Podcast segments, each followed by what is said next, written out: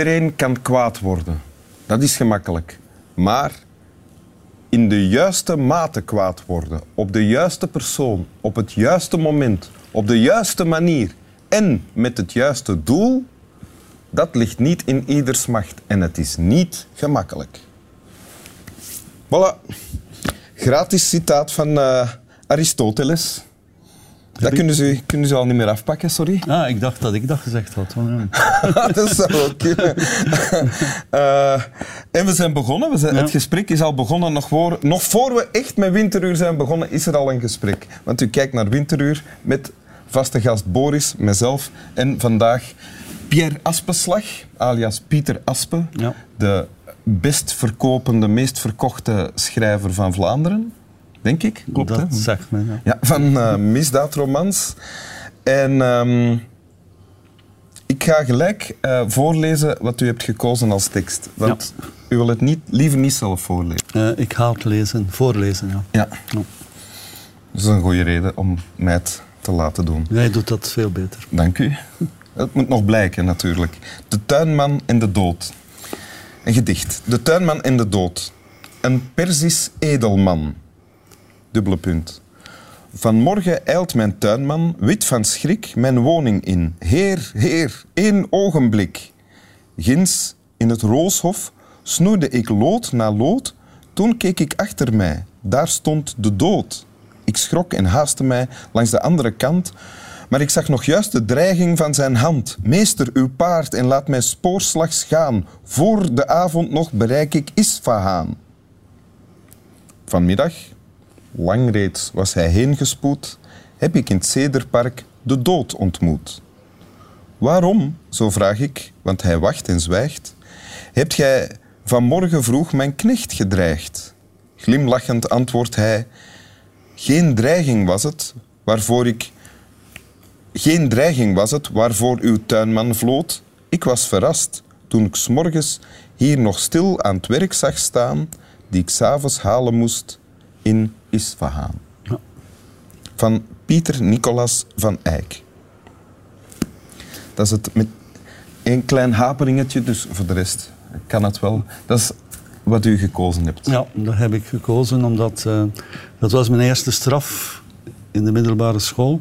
Dus die, uh, die studiemeester die had er een duivels genoegen in om uh, ieder vergrijp te bestraffen met het uh, uit het hoofd leren van een of andere passage en of welk vergrijp had u zich uh, bezondigd? gebabbeld waarschijnlijk of ja.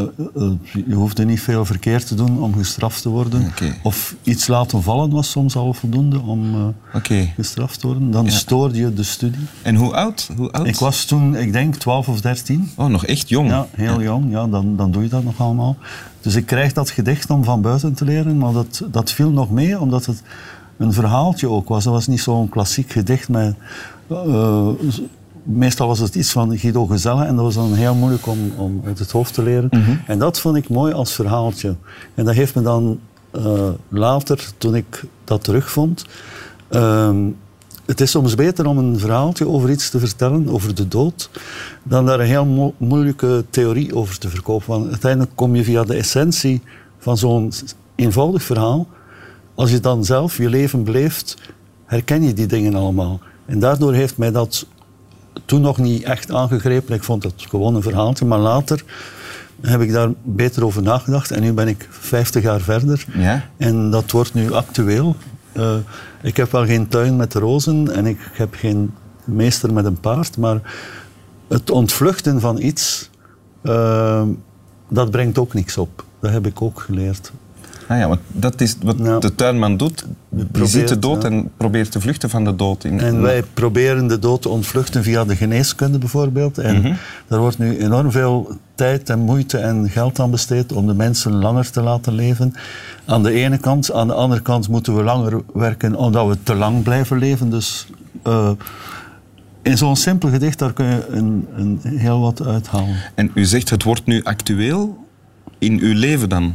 Maar ik word ouder en ouder, dus uh, uh, ik kan me voorstellen, het zou een mooie dood zijn dat ik in een rozentuin, dat de dood mij komt halen bijvoorbeeld. Dat, ja? zou, dat zou dan toch romantisch zijn. Zou u in plaats van de tuinman dan vluchten als u de dood herkent vooraf? Na, de- na het lezen van dat gedicht niet meer, want het, het maakt dus niet uit.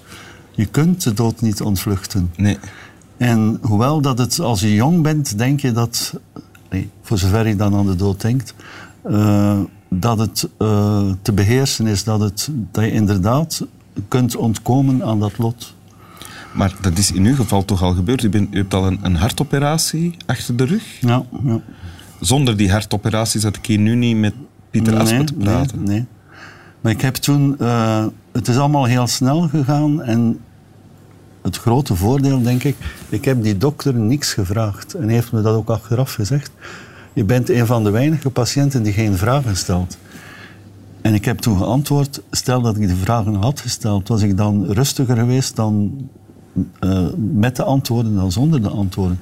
En toen zei hij, waarschijnlijk niet. Ik wist niet wat me ging overkomen. En dat brengt rust. Als je het allemaal weet, dan begin je te panikeren. Eh, een heel cynische opmerking van die dokter was de dag voor de operatie. Die kwam en die zei: Je hebt eh, volgens alle tests dat we gedaan hebben, heb je, eh, is de kans op mortaliteit 1%. In plaats dat ze zeggen: Je hebt 99% om te overleven. Nee, de kans op mortaliteit 1. En dan een paar uur voor de operatie zegt hij: Die kans is gezakt tot 0,6%. En Ik heb toen gezegd: Moet ik nu lachen? Of, Eh, ja, de kans op sterven was met 0,4% 10% gedaald. gedaald. ja, ja. Maar als u dan niks vroeg, was het dan omdat u al berustte in het feit van ja, het zou kunnen dat het, Het nu gedaan zou, is? het zou kunnen, ja. En wat kan ik er nog aan veranderen? Die dokters gaan waarschijnlijk hun best doen. Die operatie hebben ze al misschien wel 100 of 200 of 300 keer gedaan. Dus als, ik- als ik het niet overleef, dan heb ik gewoon pech. Ja. Maar dat is gelukt, Ja, operatie. ja. En u leeft nog. Ja. En nadien kan je dan ook langer en gezonder blijven leven door bijvoorbeeld je, eh, je gewoontes te veranderen. Gewoontes die... Ja, ja, dat is natuurlijk het grote probleem. Ehm, het roken eh, na een hartoperatie of in het algemeen. Ik heb dat een tijdje volgehouden, maar ik ben hervallen. Eh, Je hebt een, een tijd volgehouden om te stoppen met ja, roken. ja, ja. Toch een aantal, een maand of zes, denk ik. Ja. Maar dan... En dan heb ik, ben, allee, ik heb overgeschakeld op lichtere sigaretten. Ah ja. dat, is dat is niet vluchten naar Isfahan, maar toch een Van- beetje ja, verder beetje, uit de tuin. Een eh. mens kan niet altijd consequent zijn. Ook Nee, roken en drinken, was dat ook een probleem? Of hebben ze u dat Eh, afgeraden? Drinken dat was geen probleem, want dat werd me zelfs aangeraden. Dat is ook wetenschappelijk bewezen. Want ik ben uit het ziekenhuis vertrokken naar een persconferentie waar wij, ik en die chirurg, eh, samen een goed glas bier hebben gedronken. Ja, voor de camera. Ah, en die ja. zei, daar zitten, ik ben de naam van de chemische stof vergeten, in de rode wijn en bier van hoge gisting, zit iets wat het, de bloedvaten beschermt. Dus ik heb dat niet uitgevonden. Maar dat blijkt ook wetenschappelijk zo te zijn. Zolang dat je niet overdrijft, zoals altijd. Ja, uiteraard. wat u niet doet natuurlijk. Dat gebeurt ook, maar ja. Ja, ja. Eh, In, in, ik heb nog, de dood wordt herkend. Hè. De tuinman herkent de dood. Eh, is dat iets... Betekent dat iets voor u? Denk je dat je die, dat kan... Ik denk dat mensen voelen als ze gaan sterven.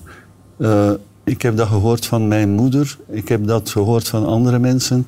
Dat ze op een bepaald moment zeggen, en nu gaat het niet lang meer duren. Wat is niet lang? Dat kan nog een jaar of twee jaar zijn. Maar ik denk dat mensen aanvoelen dat het op is. Ja. ja. Maar dat is bij u vooralsnog niet het geval? Eh, nee, Nee. nee. nee. Oké. Als het wel het geval is, dan reken ik erop dat u dat, u dat meldt. Of toch zeker als het tijdens het programma Ja, ja, ja dat zal nog een tijdje duren, denk ik. Hoop ik, ja. Ja, ik hoop, het, ik hoop het ook voor u en met u en voor uw naasten en voor alle mensen die graag eh, misdaadromans lezen, eh, uw misdaadromans. En we gaan Winteruur Ja. afsluiten. Dit keer is het wel aan u. Ik ga mijn best doen. Zo hebben we dat vooraf afgesproken.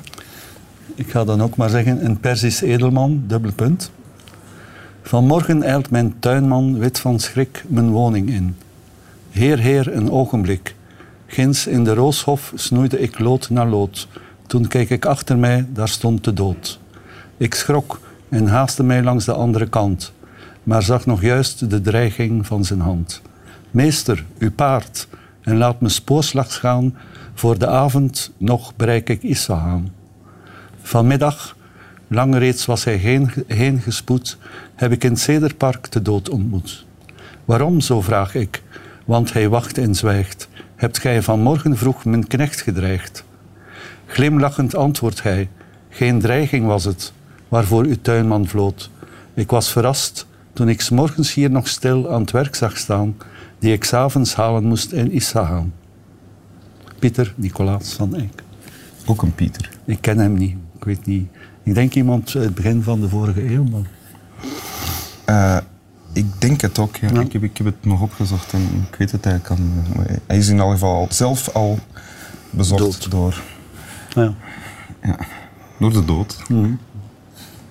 Slap wel. Lekker leven nog.